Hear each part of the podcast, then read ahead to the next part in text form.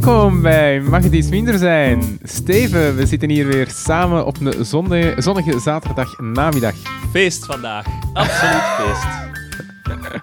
Ja, jij bent eh, 31 geworden deze Ja. week. Ja, inderdaad. hoe voelt 21 april. Ja, 21 april voor de mensen die het gemist hebben. Ja, Ja. ze moeten zich schuldig voelen. Hoe voelt dat? Hetzelfde als de dag ervoor. Ja, Ik heb het ook niet kunnen vieren, hè? Maar ik heb al Behalve gehoord, nu natuurlijk. Dit, is, dit is het verjaardagsfeest. ik heb gehoord dat je rug toch al wat pijn doet. Ja. Dat is, dat is toch al een de teken aan de wand. Ja, dat is een teken aan de wand. ja.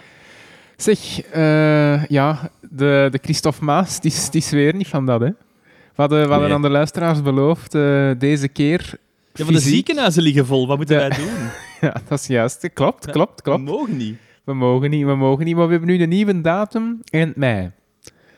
Dan, Ja. zou, het, dan zou het toch moeten kunnen over, eh, over 1830, de Belgische revolutie. Maar niet getreurd, we hebben, ehm, we hebben een leuk onderwerp voor vandaag, hè? Sexy, sexy als het maar kan zijn. Op, Hey, op iedereen heeft hierop liggen wachten. Het advies van de Raad van State. Houd me tegen. Daar gaan we al standaard in zetten. Voilà, de pandemiewet hebben we de vorige keer behandeld. We hebben toen Mhm. denk ik al vooruitgeblikt zeker naar, eh, naar het advies van de, raad, de, de afdeling wetgeving van de Raad van State. Ik dacht, En- die gaan daar brandhout van maken. Ja, voilà, voilà. Normaal, ja, normaal is de Raad van State echt wel kritisch hè? ja, ja. Ehm, op het pedanten af. Soms. Eh, maar, maar ja, oké. dus nu, deze week, is het advies verschenen. En het leek ons de gedroomde opportuniteit om dat eens eh, van, dichter, van dichterbij te, te gaan bekijken. Steven, De wat is juridische uw... eh, fora stonden in brand toen dat het eh, advies uitkwam. Nu moet ik zeggen dat dat niet echt correspondeert met de inhoud, want de inhoud was mild. Hè? Mild. Ehm, Ja. Ja. Ehm, goed, eh, om even duidelijk te zijn, het gaat hier over het eh, voorontwerp, opgesteld door kabinet Verlinde. mhm. En ehm, eigenlijk is, is er nog eh, een stap voorafgaand. En net nadat wij onze aflevering hebben uitgebracht, eh, kwam er het nieuws eh, dat er een, een vonnis was van de rechtbank van eerste aanleg te Brussel. Ah, was dat nog voor? Eh, was dat erna? Ah, ik dacht dat, eh, dat wij dat, was al... eh, Dat was net nadat wij onze opname hebben, serieus? hebben Ah. Ja. Dat was op 31 maart 2021. Een vonnis van 31 pagina's, wat dat wel goed is voor een Ja. En wat staat daarin? Wel, de, Belgische staat die krijgt eh 30 dagen om de coronamaatregelen op te heffen wegens ehm, gebrek aan juridische grondslag. Dus wat zegt die rechter? Eh, de coronamaatregelen dat zijn uitgevaardigd, die kunnen geen voldoende grondslag vinden in eh, die wet op de civiele bescherming. ehm, er moet een aparte wettelijke basis komen. Dus hoe dat je dat eigenlijk moet lezen, dat is binnen de 30 dagen moet er een wet op tafel liggen. Ja. Nu, eh, onder een dwangsom van 5000 euro per dag. Nu, ik zit een beetje ver- verveeld met dat, met dat gegeven. Langs de ene kant is het goed dat een lagere rechter hè, met de voetjes vooruit gaat om te zeggen eh, jongens, dat kan hier niet. Alle maatregelen zijn onwettig, maar je krijgt 30 dagen. Langs de andere kant, wat hadden we nu niet nodig? Ehm, ja, dit speelt eigenlijk in, in de kaarten van de regering, want het parlement wordt hierdoor onder druk gezet om die wet op een korte termijn te behandelen. Ik zie nog eh, een kop van de morgen op 2 april. Regering rekent op een spoedige behandeling van de pandemiewet in het parlement. Mhm.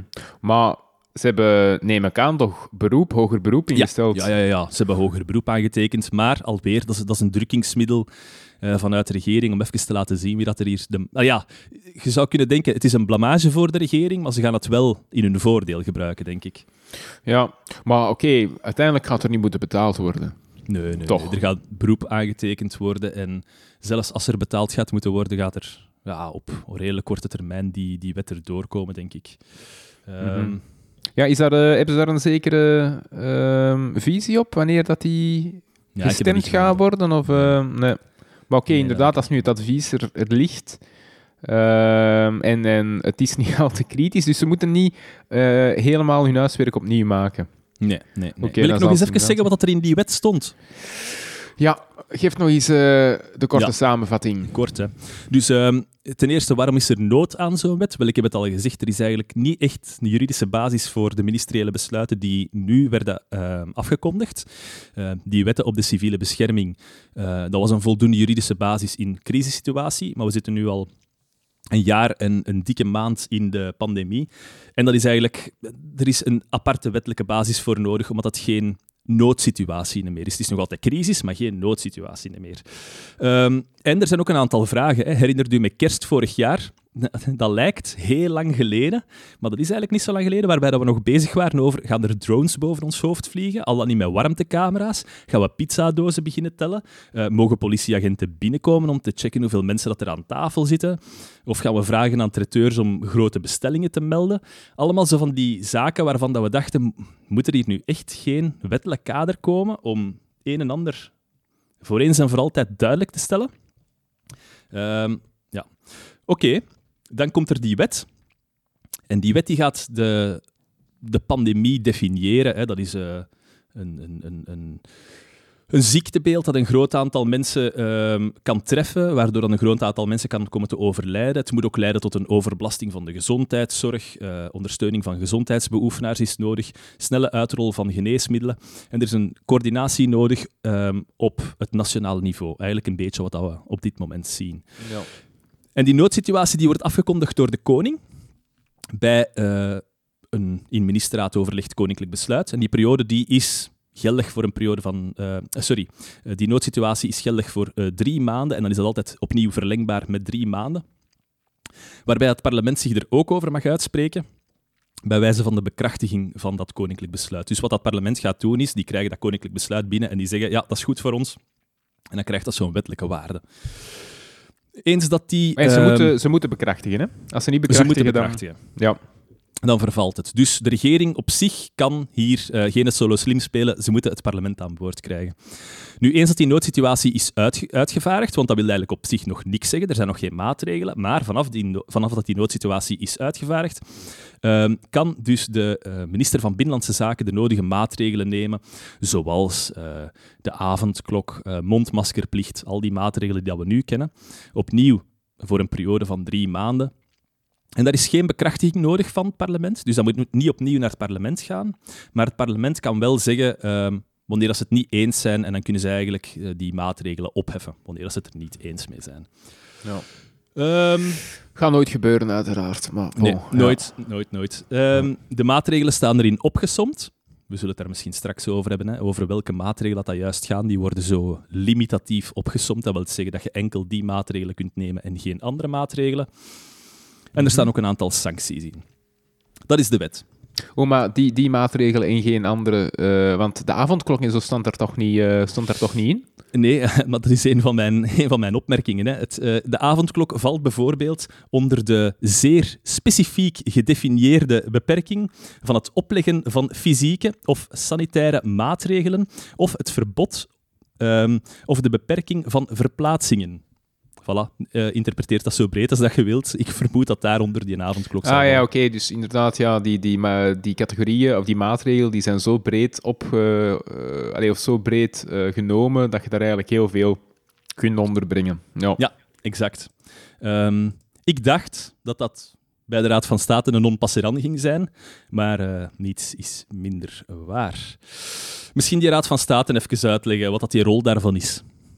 Ja, twee, twee branches. Hè. Je hebt de, Raad van State, uh, de rechter. Maar daar hebben we het nu eigenlijk vandaag niet over. Hè. De hoogste bestuursrechter in, uh, in België. Elk bestuursbesluit, uh, allez, of, of in principe toch, hè, elk bestuursbesluit een ehm, minister die, die een, een ministerieel besluit neemt, of een vergunning. Um, uh, voor, voor op de markt te gaan staan, wat dan ook. Hè. Uh, politiemaatregelen, uw uh, café wordt gesloten omdat er overlast is. Allemaal bestuursbesluiten. Ehm, kunnen allemaal worden aangevochten voor bestuursrechters. En, en de hoogste bestuursrechter is, is de Raad van State. dat is de ene, de ene branche. De andere branche is de afdeling ja, advisering, zou je eigenlijk kunnen zeggen. En de, de officiële naam is de afdeling wetgeving, maar eigenlijk is het een, uh, een adviserend orgaan um, dat, uh, ja, dat, dat de wetgever uh, of de regering, als zij het initiatief neemt om, om ontwerpen op te stellen, wetsontwerpen op te stellen, eigenlijk moet bijstaan en advies verlenen over. En dat vroeg ik mijzelf nog af, is mhm. dat... Um, dat is de wettigheid, of kijken die toch ook iets verder naar um, ja, consistentie en, en opportuniteit. Want oké, zij zijn natuurlijk geen rechter, zij, kunnen, zij, zij verlenen advies. Dus mogen zij verder gaan? Mogen zij uh, ergens bijvoorbeeld in deze pandemiewet, mogen zij, mogen zij daarop merken, ja, het zou toch uh, wat wij de vorige keer dan hebben uiteengezet, misschien opportun zijn om ook wat inhoudelijke keuzes te maken. Bijvoorbeeld het, het uh, bezoek in uh, woonzorgcentra. Zouden zij dat kunnen opmerken of is dat iets... Een, uiteraard, een rechter gaat dat nooit opmerken, want dat is, dat is een opportuniteitsbeoordeling, man. Ja, Allee, waar dat we het dan over hadden, dat is um, in, in, in het voorontwerp staat er geen ondergrens. Dus er staat, um, mensen mogen elkaar niet zien dan is de vraag, iemand dat op sterven ligt in een rusthuis, mag die dan nog worden bezocht? Moet dat bijvoorbeeld de ondergrens zijn? En dat is niet bepaald uh, door uh, in dat voorontwerp. En ik denk niet dat de Raad van State dat gaat doen vanuit een soort van opportuniteit. Wat dat we daarmee willen zeggen is wat dat de Raad van State denkt dat het goede is, beleidsmatig, maar dat die gaan zeggen, in het kader van de evenredigheidsbeoordeling, dat, dat er daar misschien wel een ondergrens moet gesteld worden. Maar ik, ja, ik weet het niet. Is hier, het is hier ook je moet weten, die Raad van State heeft hier een uitspraak gedaan bij, bij algemene vergadering. Dus dat wil zeggen, de Raad van State die hebben vier kamers, hè, twee Nederlandstaligen, twee Franstaligen. En die gaan hier nu in één grote groep uitspraak doen uh, over die wet. Net omdat het, denk ik, ja, zo'n belangrijke wet is. Um, en ik denk niet dat er daar heel veel ruimte is voor die opportuniteitsoverweging. Ik weet niet juist hoe dat, dat zit. Misschien moeten we dat eens vragen aan iemand van de Raad van State zelf. Ja, moeten we, we kennen iemand. Hè. We kennen iemand. Uh, misschien dat het wel leuk is om die gewoon eens algemeen dan over de werking van de Raad van State aan de, aan de tand te voelen zonder uh, op concrete dossiers in te gaan. Dat zal natuurlijk niet mogen, maar... Uh... Ik zal er misschien voor de, voor de niet-juristen iets meer over zeggen. Die Raad van State die ziet het licht in, um, in 1948. Uh, waarom pas in 1948 en niet in, uh, in 1830, hè, bij de oprichting van België? Dat is omdat men in 1830 nogal nare herinneringen had aan het concept van de Raad van State. Dat heeft namelijk in verschillende periodes van onze geschiedenis uh, bestaan in een of andere vorm. Maar dat doet vaak terugdenken aan absoluut gezag. Hè, dat, uh, zoals bijvoorbeeld bij keizer Karel bestond een Raad van State, ook het consulaat met Napoleon, het Koninkrijk der Nederlanden. En Allee, verbeter mij als ik fout ben, maar dat werd precies zo wat gebruikt als democratische of uh, technocratische legitimatie van dat absoluut gezag. Uh, Goh, ja, ik denk, wat is de invulling van die Raad van State? Ik denk dat dat doorheen de, de geschiedenis wel verschilt hoor. De, de Raad van State bij, bij keizer Karel heeft vermoedelijk een andere functie gehad dan, dan bijvoorbeeld bij, uh, bij Napoleon. Ja, nu ook bij ons, hè, de, Raad van State. Oké, is een term, maar eigenlijk zitten er twee functioneel totaal verschillende organen onder. Hè? Advisering. Dus, goh, uh, om nu te zeggen ja, alleen dat je dat kunt, kunt gaan vergelijken doorheen de geschiedenis, ja, dat weet ik niet. Misschien wel hoor, misschien wel. Ik denk wel dat een, een uh, ander punt dat ook meespeelde, als ik mij niet vergis, was dat men zei, ja, we hebben er eigenlijk geen nood aan. Uh, wat de rechter dan betreft, bestuursrechter dan betreft, want de gewone rechterlijke macht, de gewone rechtscolleges, de rechtbank van eerste aanleg, uh, hoger beroep, cassatie, kan zich ook uitspreken over um, bestuurshandelen. Hè. Uh, dat is, in de grondwet is er een artikel hè, dat zegt, denk ik, wat is het? Je moogt, bestuurshandelingen mogen, handelingen mogen niet strijdig zijn met hogere rechtsregels, iets in die zin.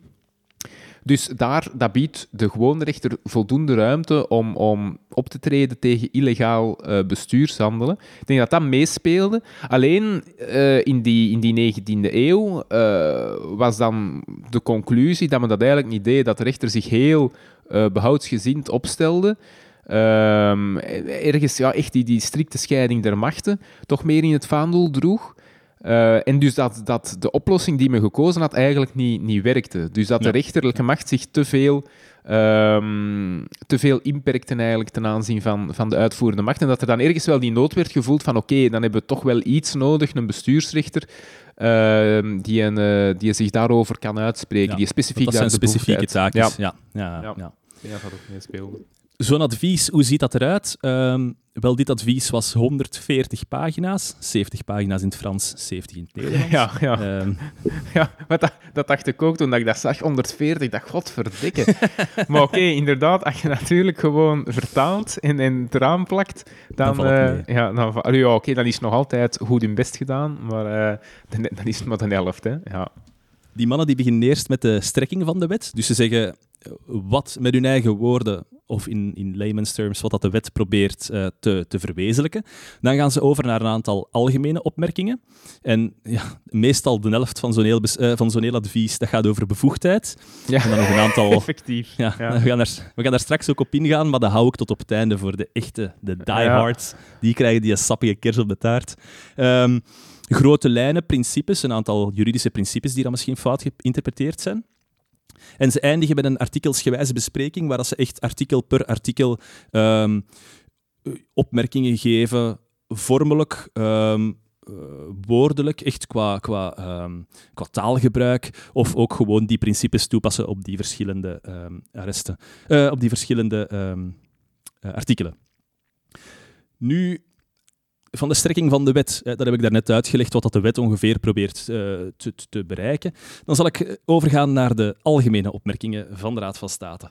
Um, de Raad van State maakt eigenlijk in het begin duidelijk, jongens, als die pandemiewet er komt, dat is allemaal goed en wel, maar realiseert wel dat eens dat die wet er is, dat je geen beroep meer kunt doen op de wet op de civiele bescherming en de wet op de civiele veiligheid, uh, dat we nu doen, omdat er een aparte wet voor bestaat. Dus je moet hè, er goed van bewust zijn dat, uh, dat als er een pandemie is, dat je op deze wet beroep moet doen. Die andere wetten die tellen niet meer. Oké. Okay, Klinkt logisch. Ja. Klinkt logisch, ja. ja, ja. Het, is, begint algemeen en dan begint het specifieker te worden. um, Ze zijn ook ingegaan op de rol van de minister. Je weet, uh, op dit moment is het uh, minister Verlinde die mm -hmm. bij ministerieel besluit alle maatregelen oplegt. Ene minister bepaalt ten aanzien van het hele Belgische grondgebied wat dat de maatregelen zullen zijn. Ja. Natuurlijk, alle... de, de, facto is dat helemaal anders. Hè? Allee, de facto is alles wat hij doet toch overlegd. ja, ja, ja, ja, het is overlegd. Ja, ja. Het is Allee, overlegd. de facto, hè? de jure natuurlijk niet. Allee, uh, dus ja. juridisch gezien is zij de enige die beslist. Uh, en, en dus, allee, we, we zijn nu juridisch aan het uh, analyseren, dus, dus mogen we dat zeggen. Maar goh, om daar nu paniekvoetbal over te gaan spelen, vind ik altijd, ja, de facto... Het gaat hetzelfde alles... zijn, mocht dat een koninklijk ah, ja, voilà, zijn. Voilà, ja, ja, ja, ja. Ja, ja, tuurlijk, tuurlijk. Maar het is, het is tof om daar een keer um, op tuurlijk, in te tuurlijk. gaan. Ja, ja. Um, de Raad van State zegt, er is een probleem wanneer dat de wetgever rechtstreeks bepaalde taken gaat toekennen aan ene minister, de minister bevoegd voor Binnenlandse Zaken. Daar zit een probleem bij, omdat je de regering eigenlijk opzij zet. In beginsel zou het moeten zijn dat de wetgever aan de regering een aantal taken geeft en dat die regering dan zelf aan een van zijn ministers de uitvoering van een van die taken gaat verder delegeren. Dus het komt eigenlijk als niet zo uh, niet zo'n eigenlijk gebruik van de delegatie voor, dat de wetgever meteen aan ene minister gaat toekennen. Nu, de Raad van State zit daar een klein beetje verveeld met dat principe. Want zij hebben in het verleden toegelaten dat dat kon, dat de wetgever dus aan ene bepaalde minister bepaalde bevoegdheden ging gaan toekennen in noodsituaties. Maar de Raad van State heeft dat de laatste jaren minder en minder stringent opgevolgd. Dat zeggen ze ook mm -hmm. zelf. Ze hebben een aantal voorbeelden gezegd waarin dat ze zeiden, ja, we hebben daar geen opmerkingen over gegeven. En de Raad van State zegt, ja, eigenlijk zou het ook een beetje hypocriet zijn dat wij dan ineens nu um, daar terug een punt van gaan maken. Dat we vroeger nooit een probleem hebben gemaakt dat de wetgever rechtstreeks aan de minister delegeert en dat we dan nu toch wel beperkingen gaan opleggen. Maar de Raad van State zegt, ja, kijk, we gaan het toch doen. We gaan even de puntjes op de i zetten van hoe dat die situatie juist in elkaar zit. In principe mag de wetgever niet aan de minister delegeren, tenzij dat er uitzonderlijke situaties zijn. Um, en dat gaat over dringende situaties. Nu, een dringende situatie is niet voldoende. Het moet gaan over een situatie die zodanig dringend is dat de handtekening van de koning er niet kan worden opgezet. Hè? Dat het niet door de koning kan worden genomen, maar dat het rechtstreeks door de minister moet worden genomen. Ja. En daarvan zegt de Raad van State, ja mannen, anno 2021, zeggen ze letterlijk, um, zijn er toch voldoende communicatie- en vervoerskanalen dat je even met je, met je besluit tot bij de koning rijdt en dat de koning daar een handtekening onder kan zetten en dat ja, het dan een koninklijk besluit wordt. Hè? Want als we het hebben over de regering en de koning, dat is eigenlijk hetzelfde. Dat is een synoniem voor elkaar, maar er moet uiteindelijk wel de handtekening van de koning onder komen te staan. Ja. Um, langs de andere kant zeggen ze ook, ja, het is de bedoeling dat de minister die besluiten neemt hè, in dat voorontwerp, maar die minister die heeft dat wel genomen in uh, besluit bij ministerraad. Dus wat is dan nog het verschil? Maak dan gewoon een koninklijk besluit. Mhm. Want dat, ja. dat overleg is er toch al gebeurd. De hele regering um, is, is, uh, oordeelt met consensus dat dat in orde is. Dus waarom geen koninklijk besluit? Ja, wel, dat vraag ik me inderdaad ook af. Ja. Wat, is, wat is nog het verschil? wat is nog het verschil? Dat je niet eerst naar Laken moet rijden, vermoed ik? Ja. ja, maar als het inderdaad dan toch... Want uh, de, de, reden dat daar een probleem voor is... Uh, of dat dat een probleem is, die, uh, die ministeriële besluiten, dat ligt in de grondwet, vermoed ik dat de grondwet eigenlijk de individuele minister niet kent. Ja, ja. Dat, dus de, de, grondwet bepaalt enkel, oké, de, de, de, de, de drie machten, uh, uitvoerende macht, uh, rechterlijke macht, wetgevende macht, en spreekt, als het over de uitvoerende macht gaat, hè, uit, uh, uit, uiteraard 1830, spreekt over de, koning. Hè, dat de koning de wetten uitvoert en, en de minister heeft daar niks aan te zien. Dus eigenlijk een andere oplossing zou dan zijn, maar misschien is dat dan uh, qua opportuniteit, opportuniteit niet, niet, niet, ideaal, maar dat je ergens je grondwet wijzigt. Nee, dat je daar de, de rol van de minister wel inschrijft. Maar misschien is dat gevaarlijk, hè? Dat, dat, gaat hier, dat gaat hier geen enkel verschil uitmaken. Nee, um, klopt. klopt. Nu, dus ja... Uh, ik denk dat het dan gewoon gemakkelijker is om het even conform de grondwet te maken. In de praktijk gaat er toch geen verschil zijn. Maar ja, anders zou de grondwet moeten worden aangepast. Ik vind, uh, ik vind het wel fantastisch dat die Raad van State dan ook zo Allee, durf toe te geven dat men in het verleden... Ja, ja, ja. Je, ziet dat al, hè. je ziet dat zelf voor u, waar dat je zelf werkt, dat je zoiets dit van, ja, maar dit, dit is nu toch wel een probleem. Kom, eh, we gaan die gelijkaardige besluiten. Hier moeten we toch al eens iets over hebben gezegd. Hè? Dat je zelf voorbeeldjes gaat zoeken en dat je dan zo... Oh, maar hier hebben we... Allee, Victor, hier hebben wij niks over gezegd. Marleen, Marleen, allee, hoe kan dit? Dat staat toch in ons handboek? Ja. Maar je ziet dat zoveel... Allee, iedereen maakt dat mee natuurlijk op zijn werk. Hè? Dat je zoiets zit van, godverdikke dat ik daar naar heb overgekeken. Maar dat dat dan... En kunnen we daar dan nu op terugkomen? Ja, ik ja. kunnen we daar nu op terugkomen? Zou dat gewoon dat potje niet gedekt laten? Hè? Ja. Nee, niemand, niemand leest dat advies. Kom. Ja. Nee, ik vind, ik vind het fantastisch. Dat, uh, ik, dat ik moet er wel aan toevoegen, ze hebben dat niet met zoveel woorden gezet. Ik heb dat gewoon proberen tussen de regels door te lezen. Maar ik, ik denk wel dat het zo is gegaan. Dus als wij nu een boze mail krijgen ja, van de Raad van State, dan, uh, dan hebben we het verkeerd tussen de regels gelezen. Hey, ze kunnen ons bereiken op Twitter, Facebook en nog iets? LinkedIn. LinkedIn. En, en, TikTok, hè? TikTok. ik, ik zet daar elke dag een filmpje op. Uh, ja, ja, dus de Raad van State zegt: nee, nee, je gaat dat moeten doen bij koninklijk besluit. Uiteraard zijn er uitzonderingen, maar die moeten geval per geval worden bekeken. Um, Zullen we dan eens overgaan naar iets anders, PG? De grondrechten. Oei, ja. ja. Ik denk, ik ga het er nu al bij zeggen, ik denk dat de Raad van State veel tijd heeft gestoken in die bevoegdheden en dat dan middag was en dat ze dan zwaar zijn gaan lunchen. Ja. Geen slecht woord over de Raad van State, hè? Dus uh, probeer gewoon een inschatting te maken van de, van de omstandigheden. Um, ja, wat moeten we hier eigenlijk zeggen? Um, ik ga, het, ik zeggen eigenlijk als dat de Raad van State het, zelf uiteenzet, want ze beginnen goed. Ze zeggen, um, er is niet zoiets als, een, um, als de mogelijkheid van de overheid om te voorzien in de gezondheid van haar burgers. Nee, dat is een actieve verplichting. Dus de overheid moet maatregelen nemen om de gezondheid van, uh, van haar burgers te waarborgen. Oké, dat is goed. Maar die maatregelen genomen ter bescherming van de bevolking, die kunnen ook in strijd zijn met andere grondrechten. Recht op onderwijs, recht op uh, bewegingsvrijheid, uh, recht om te gaan werken. Al die verschillende zaken, godsdienstvrijheid, uh, die kunnen daar allemaal mee in conflict komen. Ehm, het zou gemakkelijk zijn mocht de grondwet kunnen worden opgeschort. Gelijk als wat dat een Duits heeft gedaan toen hij in België binnenkwam en dat hij zei, mannetjes, we hebben hier een aantal regels en als je die regels niet naleeft, kop ik af. We zijn naar, uh, we zijn naar Bastogne geweest, en in, uh, in het Oorlogsmuseum, en ik heb daar zo'n aantal Duitse wetten zien hangen, en laat ons zeggen dat, dat die gewoon hebben gezegd, jongens, die grondrechten, even niet, even niet. Het was een andere tijd, het was een andere tijd. Een andere tijd, ja. Dus in artikel 187 van de grondwet staat, nee, we kunnen dat niet opschorten. Dus moeten we ergens proberen een gulden middenweg te zoeken tussen de bescherming van de volksgezondheid en de impact op de andere grondrechten. Nu, die grondrechten dat ik net had vernoemd, ehm, die zijn niet absoluut. Er is Mhm. een, een grondrecht dat wel absoluut is, is eh, recht op leven. De doodstraf is niet toegelaten omdat er een recht op leven is en dat geldt absoluut, daarvan kunnen we niet afwijken. Ja. Van andere Ja, en, en, grondrechten... en daar kun je dan zelfs nog zeggen, ehm, dat is dan meestal de nuance die men... na- Ik weet, je bent niet voor nuances, maar dat is dan de nuance die Abortie, men... na- gaan we zeggen.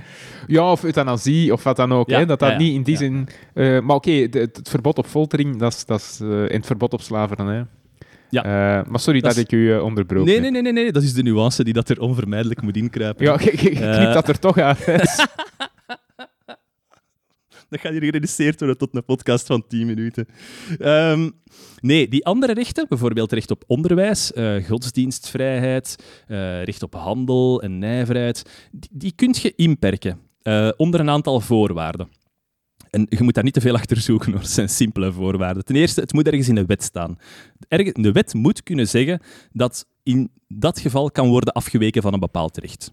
Het tweede is, het moet legitiem zijn. Bijvoorbeeld, je moogt, ehm, je moogt mensen, tegen mensen zeggen dat ze in hun kot moeten blijven, maar dat moet wel een goede reden hebben. Als de, als de reden is, we gaan de volksgezondheid beschermen, oké, dat, dat is een goede reden. Als Ja. je daartegen zegt, wauw, er komt hier een koers voorbij en niemand mag zijn huis uit, dat is dan geen goede reden. Eh, ik ik eh, vind maar even iets uit. Ja. Ehm, Ja, en het moet evenredig zijn. Ja. Eh, het moet evenredig zijn. Dat wil zeggen dat ehm, als jij tegen de... Ja, uiteraard kun je tegen je hele bevolking zeggen je komt een week je kot niet uit, in het kader van de volksgezondheid. Maar als een iets mildere maatregel hetzelfde eh, effect kan hebben, bijvoorbeeld dat de mensen nog altijd rond, mogen rondwandelen, maar elkaar niet mogen zien, ah wel, dan moet je de mildere maatregel nemen. Dat, is eigenlijk, dat zijn de drie voorwaarden. Allemaal behoorlijk simpel, hoor. Ehm, op zich is er voldaan aan die laatste twee voorwaarden. Het wordt gedaan, de maatregelen worden genomen om de volksgezondheid te beschermen. Dat is geen probleem. En de maatregel moet evenredig zijn. Wel in de wet staat dat de maatregelen die moeten worden genomen evenredig moeten zijn. Dus de Raad van State zegt, oké, dat is al in orde. Maar dan komt het aan die wettelijke basis. Het moet in die wet staan.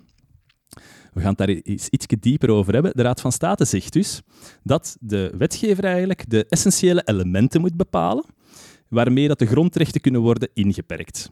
Dus die maatregelen die moeten voldoende nauwkeurig staan omschreven en de delegatie moet voldoende omkaderd zijn. En de Raad komt tot het volgende besluit. Het voorontwerp bepaalt op een afdoende wijze de essentiële elementen van het te nemen maatregelen. Het houdt immers een limitatieve lijst van maatregelen in die op voldoende eh, precieze wijze zijn omschreven. En dan denk ik, ik heb gezopen. Hebben we die echt elk een fles rode wijn achterover geknald voor alleen dat die dat hebben geschreven? Dat was, dat was misschien een cadeau van het kabinet Verlinde. Ah, Zo'n krat champagne erbij. ik, eh, ik, deze week, toen, toen dat ik kreeg ineens een berichtje op mijn, eh, op mijn WhatsApp, en stond er dus inderdaad in drukletters, zijn die zot of wat? En dat ging dus inderdaad daarover. Dat is, Ja. dat is het ding waar dat wij in onze vorige aflevering keihard op hebben gehamerd, dat hij niks voorstelt. Allee, ik zal eens even een voldoende genuanceerde beperking voorlezen. Hè. Het opleggen van fysieke of sanitaire maatregelen. Het Ja. verbod op of de beperking van verplaatsingen met inbegrip het bepalen van modaliteiten of voorwaarden in dit verband. Ja. Ja. Ehm, de beperking van het verbod op de verkoop en of het gebruik van bepaalde goederen en diensten, met inbegrip van het bepalen van modaliteiten of voorwaarden in dit verband. Nauwkeurig, heel nauwkeurig en precies omschreven. Anderzijds, allee, maar daar hebben we het de vorige keer ook al over gehad, hoe preciezer dat je dat gaat vastleggen, hoe meer Hey, dat je... daar ben ik het. Ja, ja. Hoe, meer daar- dat je vastrijdt, hè, in, in, in want ik, ik merk dat soms als je, eh allee, dan in het omgevingsrecht, eh, zie je dat daar ruimtelijke uitvoeringsplannen worden genomen. Hè, dus dat daar ehm, een gemeenteraad beslist, oké, in die wijk gaan we iets vastleggen wat we waar willen ongeveer. Hè. Hier willen we... Spaanse hacienda. Spaanse haciendas, ja, bijvoorbeeld. Hier willen we ehm, eh, wat detailhandel, hè, wat winkels. Hier willen we kantoren. Eh, maar we willen ook niet te veel kantoren. Hè. het moet zoveel vierkante meter. En dan zie je dat dat daar eh, uitgewerkt is, maar dat ze zich vaak dat dat heel beperkend is. Hè. En dan Ja, komt de enkele, enkele jaren later komt er dan een, een leuk project waar eigenlijk de gemeente ook achter staat. En dan komen ze naar ons van, oké, okay, kwiet, kunnen we dat nu? En dan moeten zeggen... Dus en de gemeente is daarmee akkoord, hè, en dat is een leuk project, en dan gaat de buurt opfleuren, en dan, moet dan pakt je dat, dat ruimtelijk uitvoeringsplan erbij, en dan zeg je, ah, nee, ja... Eh, maximaal 100 vierkante meter kantoren. Ja, nee, dus dat kantoorgebouw, dat kun schrappen. Hè. Ja, dit, ja, en dat, uh, dat kun je ook schrappen. Allee, dus dat, dat men daar een visie had in dat ruimtelijk uitvoeringsplan, heel duidelijk. Maar dat men zich ergens heeft, heeft, heeft vastgereden en te gedetailleerd is, is willen zijn. Dus allee, daarmee trek ik dan de parallel van je kunt nu ook in zo'n pandemiewet natuurlijk... Het is niet makkelijk, wederom, het is niet makkelijk voor die overheid hoe, hoe gedetailleerd moet ze gaan. Ze, moet ook ergens die speling nog houden naar, uh, naar, naar later toe, als ze met een andere pandemie geconfronteerd wordt, om daar ergens op flexibele wijze mee, mee om te gaan, lijkt mij dan.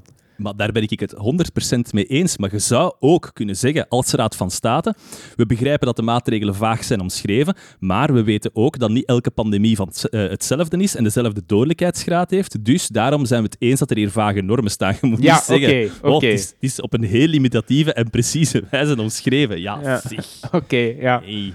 De avondklok staat er niet in, hè? Nee, nee, het daar klopt, even over hebben? Klopt, klopt. Ja. Maar Als mij... ik nu na 12 uur buiten kom, word ik aangehouden. Allee, aangehouden, krijg ik een boete, hè? ja, ja, ja, ja, in Kortenberg zeker.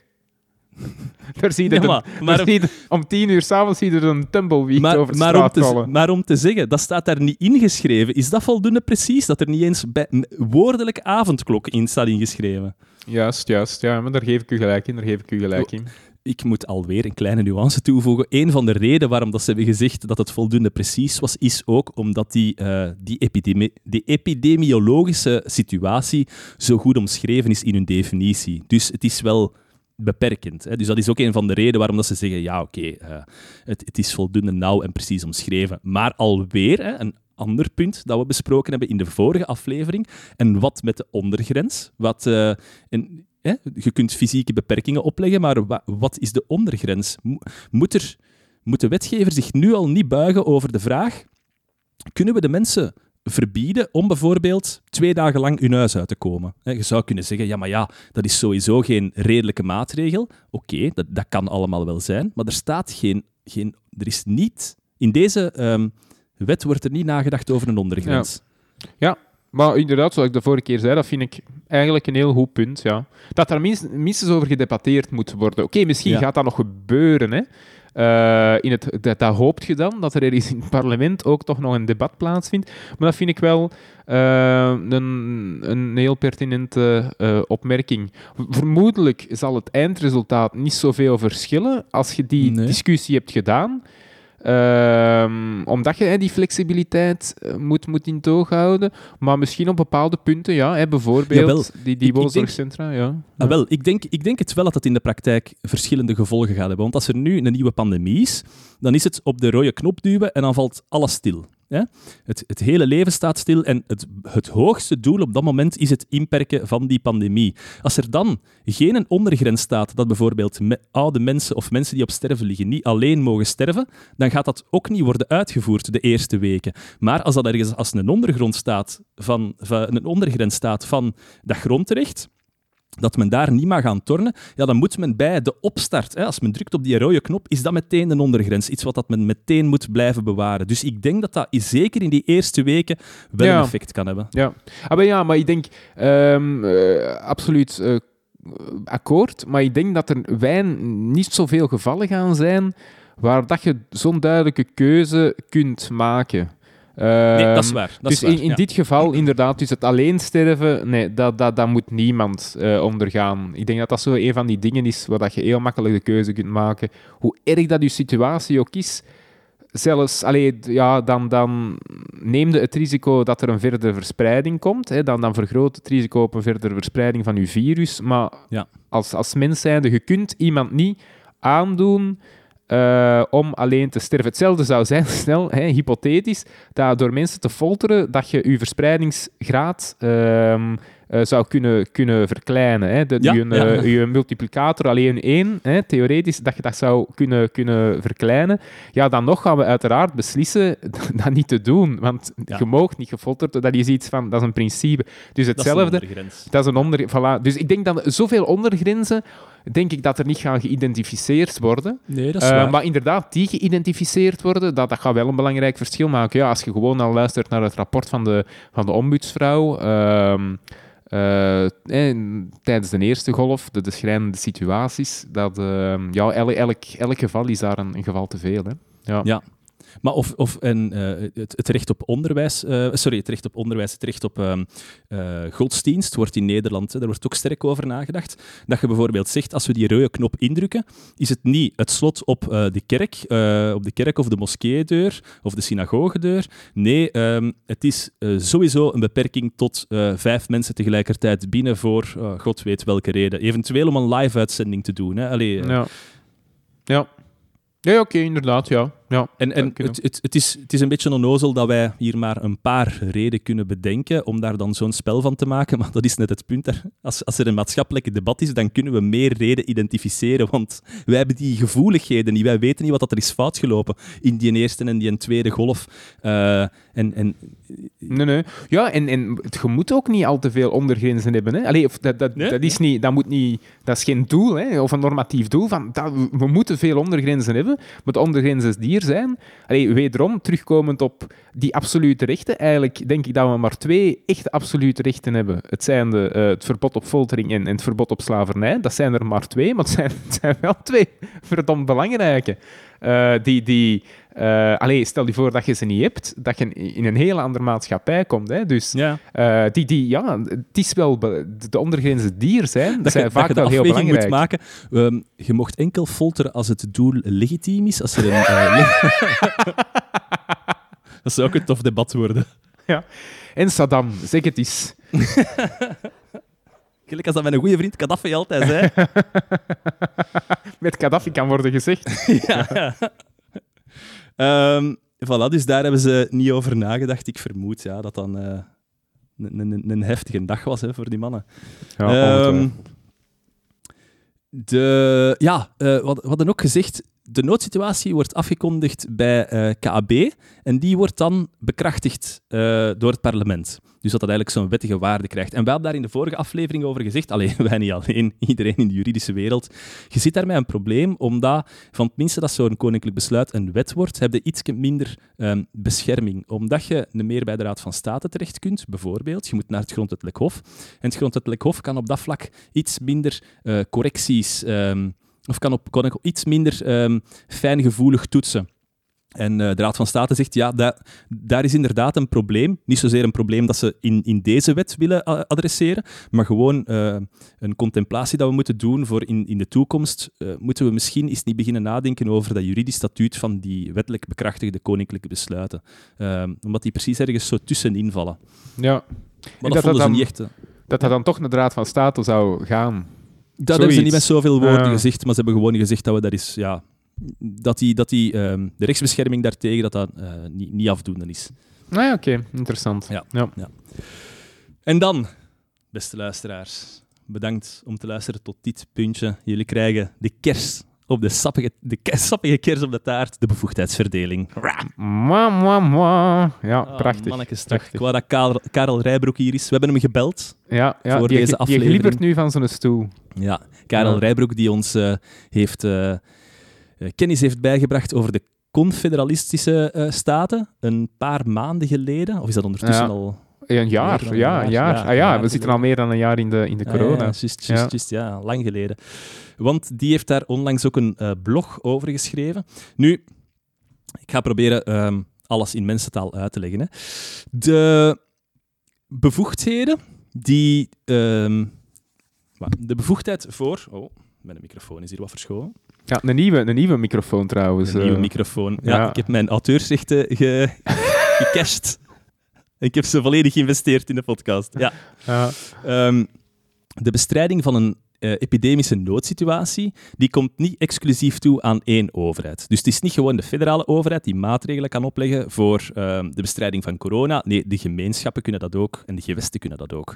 En voor onze uh, Nederlandse luisteraars, België is opgedeeld in een aantal deelstaten die niet noodzakelijk van grondgebied verschillen, want dat is een redelijk grote overlapping, maar denkt gewoon gemeenschappen, voornamelijk culturele aangelegenheden, en de gewesten voornamelijk um, uh, uh, ja, economische aangelegenheden. Ja. Zoiets. Ja. Nu, in tegenstelling tot in andere federale staten bestaat er in België um, geen soort van um, kliksysteem dat als de noodsituatie inschakelt, dat de bevoegdheden naar het federale niveau gaan. Dus iedereen blijft bevoegd om die corona aan te pakken. Um, het is een mix. De federale overheid die is bijvoorbeeld bevoegd voor de bestrijding van corona, omdat de federale overheid bevoegd is voor gezondheidsbeleid, openbare orde, civiele bescherming, de controle van de buitengrenzen, de sanitaire maatregelen binnen de materiële bevoegdheden. We zullen straks ingaan op wat dat is. Maar ook de gemeenschappen en de gewesten die hebben een zekere bevoegdheid. Zij hebben bijvoorbeeld gezondheidsbeleid en gezondheidszorg, waaronder dat dan ook de bevoegdheid valt van contact tracing en het verplichte testen. En zij kunnen ook sanitaire maatregelen nemen binnen hun specifieke bevoegdheden. De gemeenschappen en de gewesten zijn bijvoorbeeld bevoegd voor, allez, de gemeenschappen zijn bevoegd voor um, onderwijsinstellingen en culturele instellingen. En in elk van die instellingen kunnen zij maatregelen opleggen, zoals afstand, um, afstandsmaatregelen, mondkapjes mm -hmm. aandoen. Uh, dus je ziet dat er daar een overlap gaat komen. Hè. Zowel de federale overheid kan iets bevelen, als de gemeenschap en de gewesten. En waar gaat dat nu jet met elkaar in conflict ja. komen? Ja, en dat is eigenlijk iets van elke dag, hè. Dat, uh, die ik heb de helft van mijn loon als advocaat verdiend met bevoegdheidsverdeling. ja, maar dat is effectief. En dat wordt dan op scherp gesteld in zo'n noodsituaties. Als je heel kort op de bal moet spelen, dan, dan wordt dat op scherp gesteld. Maar eigenlijk is dat iets dat uh, onderliggend uh, altijd meespeelt in, ja, in België. Je vraagt je altijd af, is dat dan in andere landen ook niet zo? Ja, want daar is toch ook altijd een bevoegdheidsverdeling ergens naar, ja. naar, naar lagere besturen. En, ja. Um, maar dus in België ja, is dat een constante. Hè, een constante. Daarom inderdaad de Raad van State dat de, de helft altijd over bevoegdheidsverdeling gaat. Ja. En nadien zo de rest. Alles wat we ja. nog kunnen sprokkelen, dat komt er dan bij. Um, maar hoe verhouden die zich tegenover elkaar? We weten allemaal nog het begin van de crisis, waarin dat de federale overheid zei... Uh, mannetjes, de blok gaat erop. We duwen die rode knop in en het hele leven valt stil. Ook in sectoren die dat ook uh, maatregelen die dan een hele ingrijpende invloed hebben op de bevoegdheden van de gemeenschappen en de gewesten. Scholen mochten niet meer open, uh, cultuurhuizen mochten niet meer open, mensen moesten van thuis werken. Dat zijn allemaal zaken die dat echt wel aanleunen bij die andere bevoegdheden. Um, maar het was een zeer dringende situatie, dus er was meteen ingrijpen nodig. Dus in zo'n geval zou ik kunnen zeggen, oké, uh, dat kan worden gedaan. Nu, er zijn eigenlijk drie voorwaarden waarbij dat de federale overheid zo van die maatregelen mag nemen die dat echt ingrijpen op de bevoegdheden van die gemeenschappen en die gewesten. De eerste voorwaarde, alweer, je moet er niet te veel van verwachten hoor. Eh, de eerste voorwaarde, het moet evenredig zijn. Ja, oké, okay, tuurlijk, uh, mm -hmm. dat zal wel zeker. Um, het tweede is, er moet een voorafgaand overleg zijn. Dus hoe wordt dat geregeld als er ergens uh, bevoegdheden bij elkaar liggen? Um, dat is dat je in contact moet gaan met elkaar. Je moet dat op voorhand een keer aan elkaar voorleggen. En als beide partijen het erover eens zijn, al dan niet een samenwerkingsovereenkomst of zo, dan kun je die maatregel nemen. Natuurlijk, in spoedeisende gevallen gaat dat niet, maar dan doet je het overleg nadien. En de derde voorwaarde, en dat is misschien wel de belangrijkste voorwaarde, dat is dat de maatregelen die je oplegt, dat die strikt beperkt moeten zijn binnen de bevoegdheid van de federale overheid in zaken de sanitaire politie. Wacht, hoe ga ik dat hier proberen uit te leggen? Ik ga het uitleggen met een voorbeeld, dat is misschien nog het gemakkelijkste van allemaal. Mm -hmm. Kan de federale overheid bevelen om de scholen te sluiten? Ja kan de federale overheid bevelen om mondmaskers te dragen in scholen en in musea? Ja. En waarom? Omdat ze daarmee niet de bevoegdheid van de scholen uitoefent, maar gewoon zegt: nee, nee, ik oefen hier mijn bevoegdheid van sanitaire maatregelen uit. Ik ga hier een sanitaire plicht opleggen. Dat kadert mm. daarin.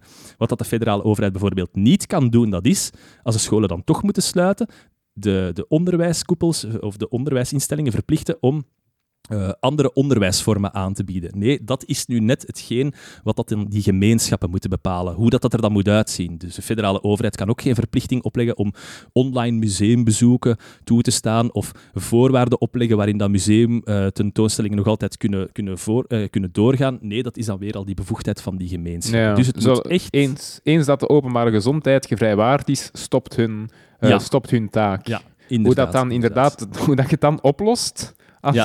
de andere, de scholen, hoe dat ze het moeten oplossen, de musea, hoe dat ze het moeten oplossen, om dan toch nog een cultureel pakket, om toch nog een educatief pakket aan te bieden. Dat is iets dat dan uh, de, de, de, Vlaamse gemeenschap, de Franse gemeenschap, de Duitsstalige gemeenschap zal, uh, zal, moeten, ja. zal moeten regelen. Ja. Dat is het. Dus eh, op zich zit dat systeem wel goed in elkaar. Hè. Mogen de gemeenschappen en de gewesten afwijken van de federale regelgeving, bijvoorbeeld? Als er op federaal niveau wordt gezegd, de musea moeten toe, en uh, de Duitsstalige gemeenschap die zegt, ja, we hebben hier eigenlijk niet zoveel besmettingen, hè, daar in Malmedy, um, of in Bastogne, wij laten ons oorlogsmuseum toch open, dat mag niet. Hè. Je mocht dus wel verstrengen op de federale norm, maar je mocht niet verzwakken op de federale norm. Dat is althans wat de Raad van State hier heeft gezegd. En ik vind dat goed, dat de Raad van State hier even is uitspraak over heeft gedaan, want op zich, al die principes die bestonden wel allemaal, maar er waren veel verschillende meningen en de Raad van State heeft hier nu duidelijk getrancheerd, dit mag en dit mag niet, met voorbeelden erbij, wat dat eigenlijk wel heel tof is dat ze dat gedaan hebben. Ehm, er wordt ook vaak gezegd, ja, is, dat federaal systeem wat dat wij hebben, dat heeft tot een aantal problemen geleid, zoals wie is er nu bevoegd voor die corona-app, die contact tracing, die mondmaskers, dat is allemaal in het honderd gelopen en veel mensen proberen dat te steken op... Ehm, België met de bevoegdheidsverdelende regels, ehm, met de gemeenschappen en de gewesten enzovoort, terwijl dat, dat eigenlijk geen heel goed argument is. Er, er, gaan sowieso problemen in zitten, maar er zijn ook heel veel dingen die op federaal niveau alleen zijn fout gelopen. Om maar even te praten over de mondmaskerplicht. Hè? Weet je nog, destijds, Magie de Blok die zei, ja, het zij zo dat ik de strategische voorraad mondmaskers heb opgefikt. Het zij zo. It is what it is. It is what it is. We moeten dat er maar bij nemen. Um, en dan zijn ze daar begonnen met een, uh, een, een, inhaalbeweging om de mondmaskers terug aan te vullen. En wat een, klu wat een soep is dat daar geweest. Hè? De Blok, uh, minister voor Volksgezondheid, was bevoegd voor, uh, of was op dat moment in charge van de kwaliteitsbewaking van de mondmaskers. Philippe de Bakker, minister voor Digitale Agenda, was op zoek naar chirurgische en FFP2-maskers. Koen Geens, minister voor Justitie, die, was, uh, die hield zich bezig met de productie die, die van probeerde om zelf een mondmasker op te zetten, ja, dat niet lukte. Ja. Wereldwijd een meme geworden. Oh, zoek dat alsjeblieft op voor Nederlandse luisteraars. Koen Geens, mondmasker. Zalige beeld. Uh, Nathalie Muilen, die uh, minister van Werk is, die moest de filters bestellen, die dat dan uiteindelijk niet bleken te passen op de mondmaskers die werden besteld. Philippe Goffin van Defensie, die zijn taak was om in het buitenland mondmaskers te gaan halen, want de redenering was, Defensie heeft veel ervaring met contracten, grote contracten in het buitenland. Ah ja, oké, is goed. En Sophie Wilmes, onze eerste minister, die was dan verantwoordelijk voor de coördinatie van alles. En wat bleek, het was één grote soep. Dus om nu te zeggen dat uh, het federale model daar zoveel roet in het eten heeft gesmeten, ja, ik weet niet. Ik denk dat... Als, zelfs als we het op één bestuursniveau zouden doen, dat dat nog altijd een soep zou geweest zijn. Ja, um, absoluut. We hebben Karel Rijbroek daar ook over gebeld, van uh, wat is uw mening nu? En hij zegt, ja, België is een te kleine staat om, ik ga parafraseren, ongetwijfeld zeker het fout. Hè. België is een te kleine staat om zo'n soort van schakelbepaling in te bouwen, dat als er iets fout gaat, dat de federale overheid um, het, het, uh, het overneemt, of zijn we dat nu niet? Nee, nee, ik denk dat het uh, in, in uh, België, alleen het verschil met, met, met Canada Ehm, bijvoorbeeld dat dat een heel grote staat is en dat je die schakelbepaling daar minder, minder snel nodig hebt. Ah, omdat, ja, ja, zo, zo, uh, bijvoorbeeld in Canada blijkbaar is de schakelbepaling gewoon niet gebruikt met de corona omdat men het niet nodig had, omdat de, de, de, regio's gewoon te hard verschilden qua, qua besmettingsgraad. En, uh, uh, en dat, dat dat in, in België zich minder gaat voordoen, omdat België een heel klein land is met heel veel mobiliteit, dat die cijfers nooit dermate ver van elkaar gaan afvliegen. Oké, we hebben dat in, in, in september zeker, dat dan wat roder was in Wallonië. Maar oké, enkele weken later zit het dan in Vlaanderen. Hè. Dat, is, dat is, kun, je, kun niet vermijden. Wij zijn... Um, een land dat, dat ook in Brussel te veel, denk ik, samenkomt, er te veel mobiliteit is, te klein is, uh, om, om, om dat ehm, ja, ergens... ergens allee, het brengt geen zoden aan de dijk uh, om dat allemaal apart te regelen.